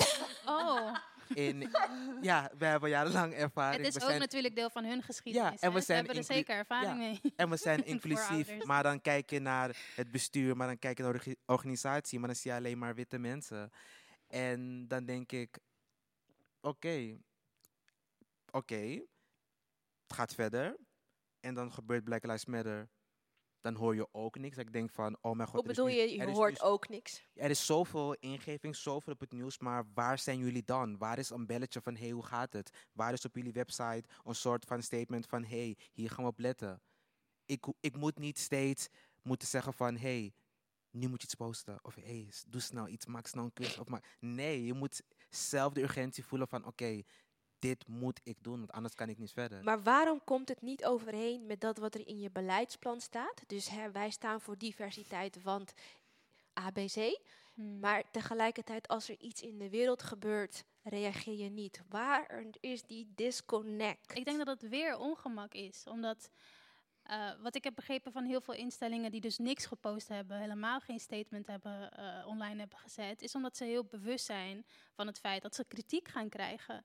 Dus Van wat, wie? Van hun doelgroep? Ehm, van, van, van, van iedereen. Ja, je, je kan een statement natuurlijk zetten, maar ben jij intern wel divers? Eh, werk je wel met zwarte makers? Maak je wel ruimte voor ze? En ze weten dat het antwoord nee is. Dus dan kiezen ze eigenlijk ervoor, wat misschien ook slim is, om niks te posten. Maar het is voor hun ook niet een reden om dan te denken: oh, dus het antwoord is nee. Dat betekent dus dat we dingen moeten veranderen. Ga dan een plan maken. Een, een, een jaarplan, tweejaarplan, een vijfjaarplan. Maar ga actief op zoek naar mensen van kleur. Ehm, als je Ja, en ik denk, sorry dat ik je onderbreek, want we blijven, anders blijven mensen, kunnen mensen zich zo verschuilen achter. Nou ja, dat is mijn interesse. Het hoeft ook niet als je het niet interesseert, is het Ja. eerste. En twee, maar als je naar de maatschappij kijkt, ik geloof dat kunstenaars er zouden moeten zijn voor de mensen die geen ruimte hebben. Of dat naar boven halen wat niet zichtbaar is. Of dat Hmm. ruimte geven waar. Dus dat zeg ik. In eerste instantie is er een soort mis. Is er iets misgegaan in kunst. Kunst, podiumkunst is op zichzelf een entiteit geworden. En wanneer maak je verbindenis met voor wie doen we het? Want anders hadden we die verschillen aan perspectieven. Dat is dan essentieel. Want je had geweten, maar wacht eens even. hmm, hoe de wereld is aan het veranderen. Ik ben niet meer in. Ik ben niet meer in touch met dit aspect van de wereld. Daarvoor moet ik mensen in mijn team hebben. Daarvoor moet ik kunnen overleggen. Want anders blijft het de hele tijd maar gaan over. Haal die zwarte maker, vindt iets. Dit was in die 30 jaar geleden. Zeiden al die mensen. Ja, zoek ons op. We zijn niet. We zijn niet alleen maar van het buurthuis en weet ik veel wat allemaal. We zijn er omdat het belangrijk is. Onze stem moet gehoord worden. En toen zei iedereen: nee, precies wat je zegt. Niet artistieke kwaliteit, whatever. Weten niet wat abstractie is, whatever. Weet je wel, we hebben al die terminologie hebben we geleerd. Ik weet abstractie. Ik wil het niet. Ik wil het niet. Weet je? Wacht even, waar is mijn dancehall bussen? Nee, Hij omdat doet het, het gaat gewoon. niet, het, Jammer. gaat niet om, het gaat niet om de maken van kleur naar binnen halen. Het gaat erom jezelf naar buiten brengen. Ja. Je moet in connectie blijven. Als we het hebben over... Ja. Mensen moeten, mensen moeten niet plaats maken omdat we vinden dat mensen plaats moeten maken. Mensen moeten snappen op een gegeven moment. Ik ben niet meer in feeling met wat er in de wereld gebeurt. Maybe I need to step down. Maybe. Weet je? Ja. En, dat, en die, die, dat vergt een soort van eerlijkheid. En dat vergt een soort van jezelf aan blijven kijken. En dat, want weet je, in het theater zijn we er heel goed in om het publiek moet dit leren, het publiek moet dat leren. Wat moeten wij leren? Laten we daar beginnen. Mhm, Die healing. Weet je? Nee, maar wat moeten wij leren? Wij voordat als we het publiek instelling. aangaan. Ja, voordat Ja. we het publiek gaan aanpraten ja. over ja, je moet je licht uitdoen of je mag geen vlees meer eten of je moet dit niet. Wat doen wij? Weet je? Can we practice what we pre- preach? do you practice what you preach? Wie ik nu Milone persoonlijk? Eh, het Huis Utrecht. Ja, nou, ben dus ook wel echt heel erg, wat ik heel fijn vind. Dus ik kon dat artikel schrijven en ook denken, oké, nou, dit heb ik nu geschreven en nu ga ik gewoon dingen doen. Ik ga dingen uitproberen. En dat gaat heel, voor mij dan heel erg als het gaat over, het huis is een plek, is een onderzoeksplek. Dus we zijn niet per definitie bezig met producties. Dat is, dat is niet wa- waar we mee bezig zijn aan de voorkant. Dat is waar we naartoe werken. Mhm. En, eh, dus dat geeft heel veel ruimte. Dus ik ben nu gewoon heel specifiek, denk ik, oké, ik heb een, een soort programma ben ik aan het opzetten wat heel specifiek gaat over het verdiepen en het bij elkaar brengen van wat is aan de ene kant kennis en wat is aan de andere kant praktijk. Dus wat, wat kunnen we nou gaan testen? Wat kunnen we nou gaan doen? Hoe kunnen we dat, wat, hoe kunnen we met, daarom had ik ook het over de squad eh, als, als Ja, leg uit, wat is de squad? De squad, en dat, en dat omschreef ik als dus niet alleen maar mensen die uit de podiumkunst komen, die reflecteren op het werk van makers, maar ook mensen die in de psychologie zitten, de mensen die over trendwatching en over de toekomst na kunnen denken en die op een bepaalde manier gewoon, zodat het werk wat je maakt in een maatschappij geplaatst wordt, waar mensen die deskundig zijn op een bepaalde manier op kunnen reflecteren. Want ik denk dat heel veel mensen dat kunnen. Dat mensen, want uiteindelijk, voor wie maak je het? Eh, niet iedereen heeft hetzelfde niveau. En dat hoeft volgens mij ook niet om je werk. Dus wat heb je ervoor nodig om te kunnen blijven ontwikkelen? Eh, en ik wilde dat op een bepaalde manier ook wegtrekken uit de podiumkunsten. Aan de ene kant omdat wij een makke daarin hebben, maar aan de andere kant doordat ik dacht, ja, dan hoef ik niet te wachten. Want als ik ga wachten, snap je, er zijn systemen, dus we weten nu allemaal, we moeten een dramaturg hebben, dan kan je, maar een dramaturg die, die wat, precies wat eh, Rachel zegt, Rachel? Ja. Wat Rachel zegt, er zijn weinig dramaturgen die weten dat transatlantische slavernij maar zo'n aspect is van... Toevallig hebben wij een dramaturg in het huis. ik ben gewoon... ja. Ja, toen werd- zou aan die kant. we hebben hoort. nog maar 10 Wordt minuten. Moet je weg? Oh, jammer. Want ik wilde Bertha Spoelstra van Frascati, huisdramaturg, vragen ehm, als het, om naar haar eigen expertise te kijken. En eh, eigenlijk de vraag te stellen, en dat kan ook voor een volgende keer. Wat merk je aan jezelf waar je in nog kan groeien, wat te maken heeft met kijken via een ander perspectief? Dat wat je niet hebt geleerd op school, of dat wat je niet per se van... Ja, dan mag je naar de microfoon voor gaan. Sorry Bertha, on the spot. Nee, zeker on the spot. Ben ik te horen? Ja. Eh, ik vind het, eh, dat is een goede vraag en een ingewikkelde vraag en een, een lang antwoord, denk ik. Maar ik ga proberen het kort te houden. We hebben eerder in een van de uitzendingen gisteren eh, kwam een aantal keer naar voren eh, dat het over blinde vlekken ging. En voor mij begint het daar. Mhm. Dat we, hè, ook wat jullie eigenlijk al de hele avond zeggen, we staan pas aan het begin van een eh, beweging, van een bewustwording. En ik heb heel erg het gevoel dat dat ook voor mij geldt. Mm. Dat ik ehm, eh, nu pas mezelf begin te realiseren dat iedereen blinde vlekken heeft, om te beginnen ikzelf. Ehm aan de andere kant gaat dramaturgie altijd over het opzoeken van blinde vlekken.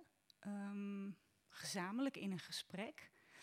Ehm, bijvoorbeeld, hè, Perry, wij kennen elkaar nog nauwelijks artistiek gezien. En dan merk ik dat het onderzoekend is. Dat je elkaar persoonlijk nog niet kent. En dat je je voor, eh, ik jouw vormentaal nog niet ken. En dat daar tijd voor nodig is. Dat we ehm, een interesse hebben in elkaar, maar ook nog niet precies weten waar dat heen moet. En dat heeft ook te maken met die blinde vlekken. Hebben we tijd genoeg? Krijgen we tijd genoeg? Nemen we tijd genoeg om dat echt te onderzoeken? Puur artistiek. En daar hoort ook jouw hele geschiedenis bij, wat je wil maken, waar je vandaan komt, waar je heen gaat. Hè, wat hier nu vanavond al een paar keer gezegd is. Voor wie doe je het? Maar ook hoe doe je het? Wat is je vorm? Ik ben daar altijd heel erg in geïnteresseerd. Natuurlijk, ene keer aan de ene kant je verhaal, aan de andere kant hoe ga je Ja. dat verhaal vertellen. Dus aan de ene kant wie ben jij, wat neem jij mee, maar ook wat kun je bij dit huis eh, halen? Wat kunnen wij jou bieden? Wat kan ik als dramaturg jou bieden? En daarvoor moet je ehm, vooral tijd nemen. En echt willen luisteren naar elkaar. En ik merk dat het ook lef nodig, ehm, of lef vraagt om die tijd te nemen. Om die tijd op te eisen. Dus voor mij gaat het over blinde vlekken aan de ene kant en dat je die moet leren zien. En voor mij persoonlijk is dat natuurlijk net zo moeilijk als het voor jou is, of voor jou is, denk ik. En tijd. En die tijd vind ik soms heel moeilijk te verdedigen. Radio Futura, Radio Futura. Dankjewel, Bertha. Het gaat dus over het gesprek. Eh, ja, wacht even. Iemand wil nog wat zeggen. Er wordt gedrukt op de buzzer. Oh jee. Let go, Ike. Ik krijg een eh, appje binnen van een luisteraar. Kan je iets dichter bij de microfoon staan? Eh, Bert, oh, wacht, nee, dat gaat- mag niet. Oh, jawel, want het is coronaproof. Oh. Nee, juist hier. niet. Je moet even het kapje Oh ja. eraf halen dan. Ja, ik blijf wel zo staan. Ho- maar Er horen we je dan wel? vraag binnen. Ik ben, ja, ik ben te horen. Ja. Eh, vanuit een, van een luisteraar. Ehm Bert, hoe kom jij aan Perry als maker voor Frascati?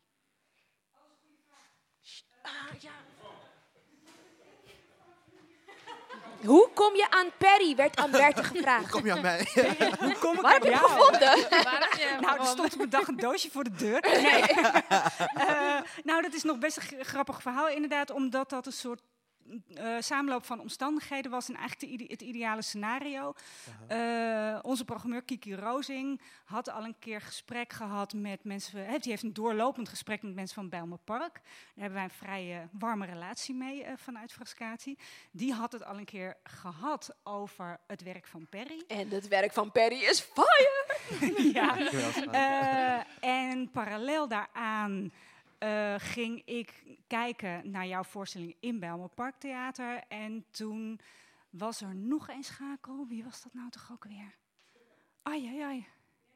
Jennifer Munsterlag, Jennifer. niet vergeten. Jennifer ja, Munsterlag precies. is een Jennifer. heldin. Die sprak, die Ja. sprak mij aan en heeft ook Perry aangesproken. want Jullie kenden elkaar al langer. Mhm. En Jennifer sprak mij aan. Die zegt, zeg, ken jij Perry? En toen zei ik dus, nou, dat is nou ook toevallig, want eerder, et cetera, et cetera. Toen had Kiki het al via... Het, doen- dat is eigenlijk een perfect voorbeeld van hoe eh, mensen eh, dingen zien onderling en het dan over hebben. Zou dat een goede match zijn of niet? En toen zijn wij koffie gaan drinken. Ja. En we zitten nu hier. Yay!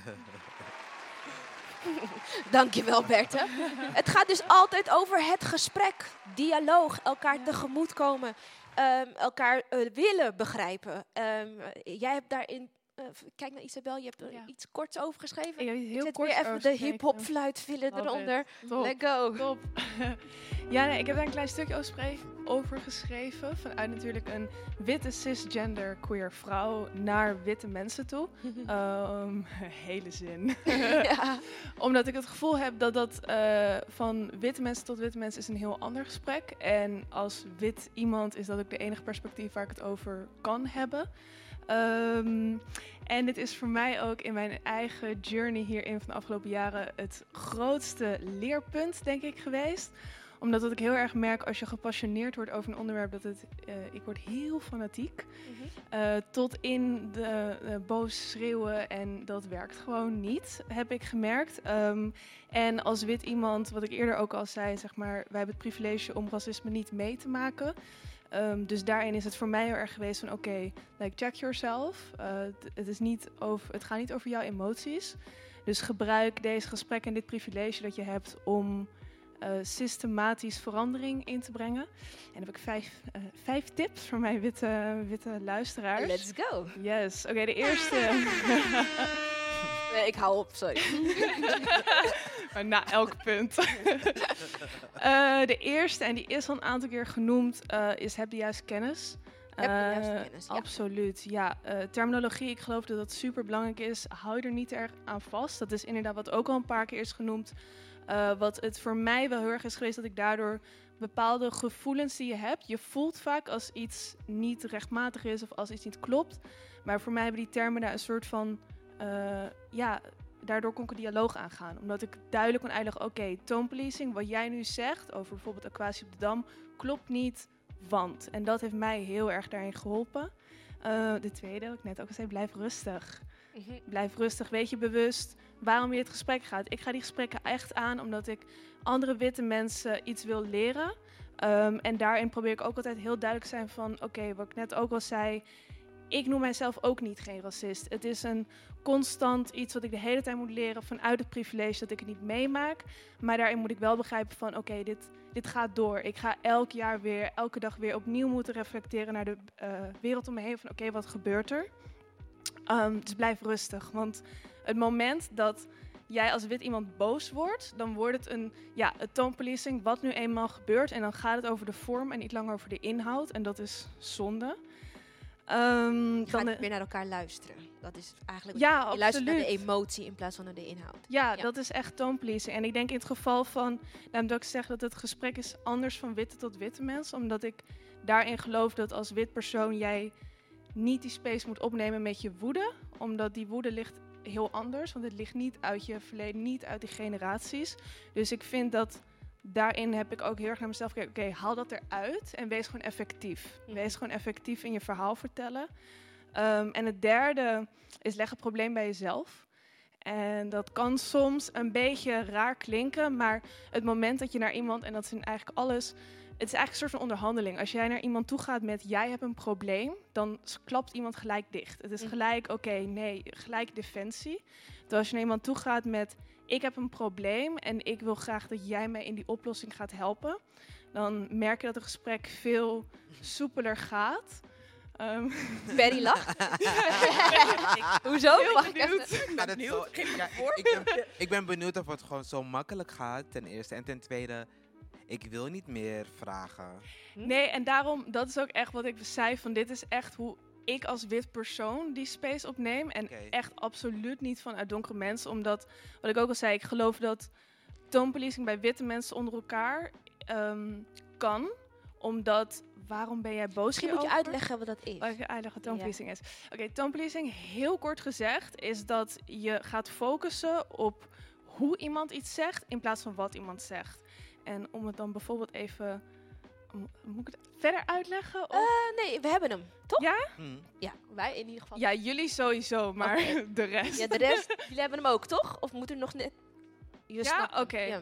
En eh, dus de reden waarom ik zei van waarom het gesprek tussen twee witte mensen denk ik anders is, omdat eh, stel dat jij met mij te gesprekken gaat en eh, jij wordt boos of je hebt je emoties erin, vind ik het niet mijn plek om als wit persoon te zeggen waarom ben je boos? Want tuurlijk ben je boos.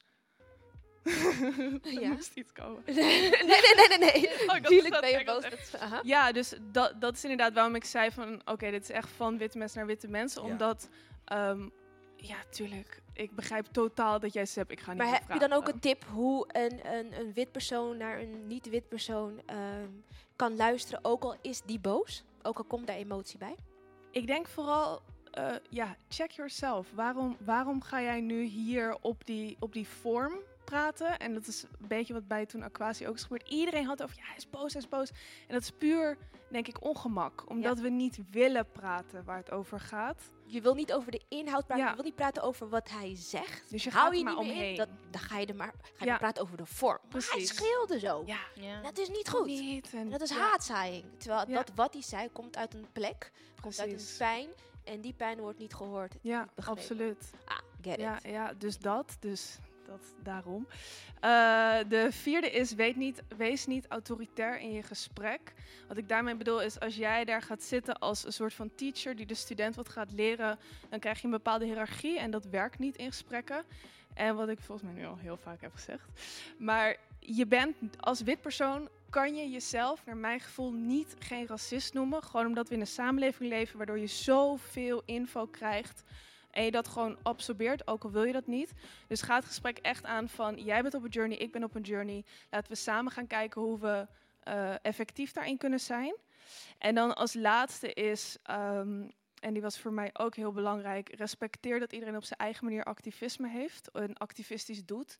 Eh, sommige mensen gaan naar protesten, sommige mensen schrijven, sommige mensen lezen, sommige mensen gaan privé het gesprek aan, sommige mensen gaan openlijk het gesprek aan. En wat ik heel erg zag gebeuren is bij iedereen die inderdaad woke werd, alle white people that are suddenly woke, En ze maakt bunny ears. Yes. dat eh, er heel veel werd van, ja, maar jij was niet bij het protest. En ja, maar jij doet... Dat ik denk, maar we hebben alle vormen nodig van activisme. En natuurlijk, als je iemand actief racistisch ziet, ziet zijn, gebruik je privi- privilege om daar eh tegen op te staan. Maar ga niet onderling verwachtingen hebben, want jouw vorm van activisme is misschien niet de activistische vorm van je ouders, terwijl we al die dingen nodig hebben. Dus eh, dat zijn mijn vijf tips. Radio Futura, Radio Futura. Het is drie over half negen. Eigenlijk is de show al afgelopen, maar we hebben zoveel nog te vertellen. Zoveel nog te bespreken. Zoveel topics die we niet hebben aangeraakt, waar we niet dieper op in kunnen gaan. Ja. Omdat de tijd de tijd is. En als we nu een ander gesprek openen, dan moet ik jullie over drie minuten weer afkappen. Daar heb ik gewoon helemaal geen zin in. Dat vind ik gewoon zonde van ons stof. Ah, Ik stel voor dat we gewoon weer terugkomen. Dat we het gesprek afmaken. Dat we in ieder geval proberen een tak van de hele Black Lives Matter movement te belichten, uit te kammen, ehm, boos op te kunnen worden, maar ook eigenlijk te delen zodat onze luisteraars weten wat zwarte makers, zwarte kunstenmakers hier in Nederland meemaken. Vind ik belangrijk. Is het ook. Ja. Ehm, dus hebben wij deze deal. We komen gewoon weer terug en we gaan het afmaken. Ik kijk ook stiekem naar mijn producers. Want ja, daar gaat het ook om. Ik kijk naar de instelling. Zo ironisch niet. Maar ehm, ja, natuurlijk, dit gaat naar mijn hart. Ik ben er gepassioneerd over. Het liefst wil ik de hele tijd praten. Maar eh, ja, je hebt gewoon eh, je, je aan, ook aan een programma te houden. Toch? Eh, ik wil nog één nummer inzetten. Dat is The Power van Snap.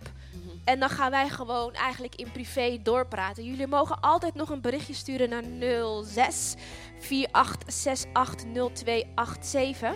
Eh, of is dit de telefoonnummer van de deur? nee, toch? Nee, dit is, de, dit is onze telefoonnummer. Toch? Ja, dit is ons telefoonnummer. Eh, Perry, je steekt je vinger op. Ik wil nog een paar dingen zeggen. Zeker.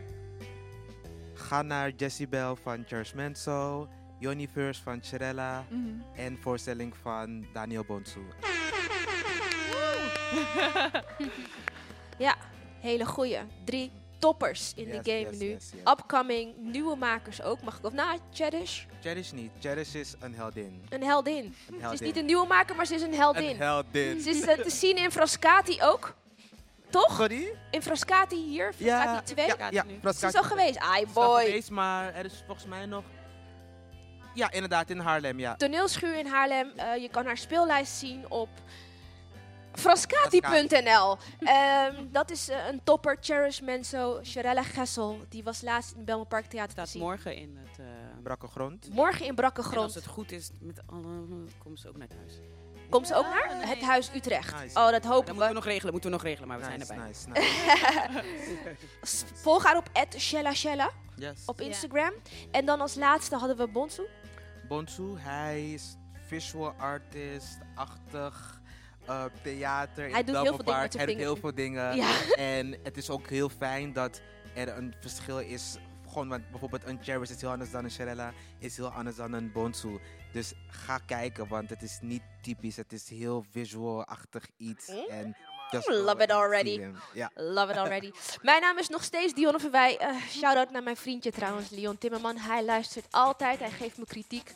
Maar altijd voor het goede doel. En ehm, eh, hij gaat ooit nog met me trouwen. Dan heet ik dus Timmerman. zeg ik Dan hebben jullie dezelfde naam. Pressure, pressure. Oké, nou dit was Radio Futura. Ik heb genoten van vandaag. Ehm, we gaan nog genieten van Snap. Van The Power. Ik wil dat dit gesprek ongoing is. Dus ik ga mijn gasten nog een keer uitnodigen. We doen dit dus elke woensdag, donderdag, vrijdag van 7 tot half 9. Frascati 3. Ik wil iedereen bedanken die hier nu heeft gezeten. Vooral Frascati Producties.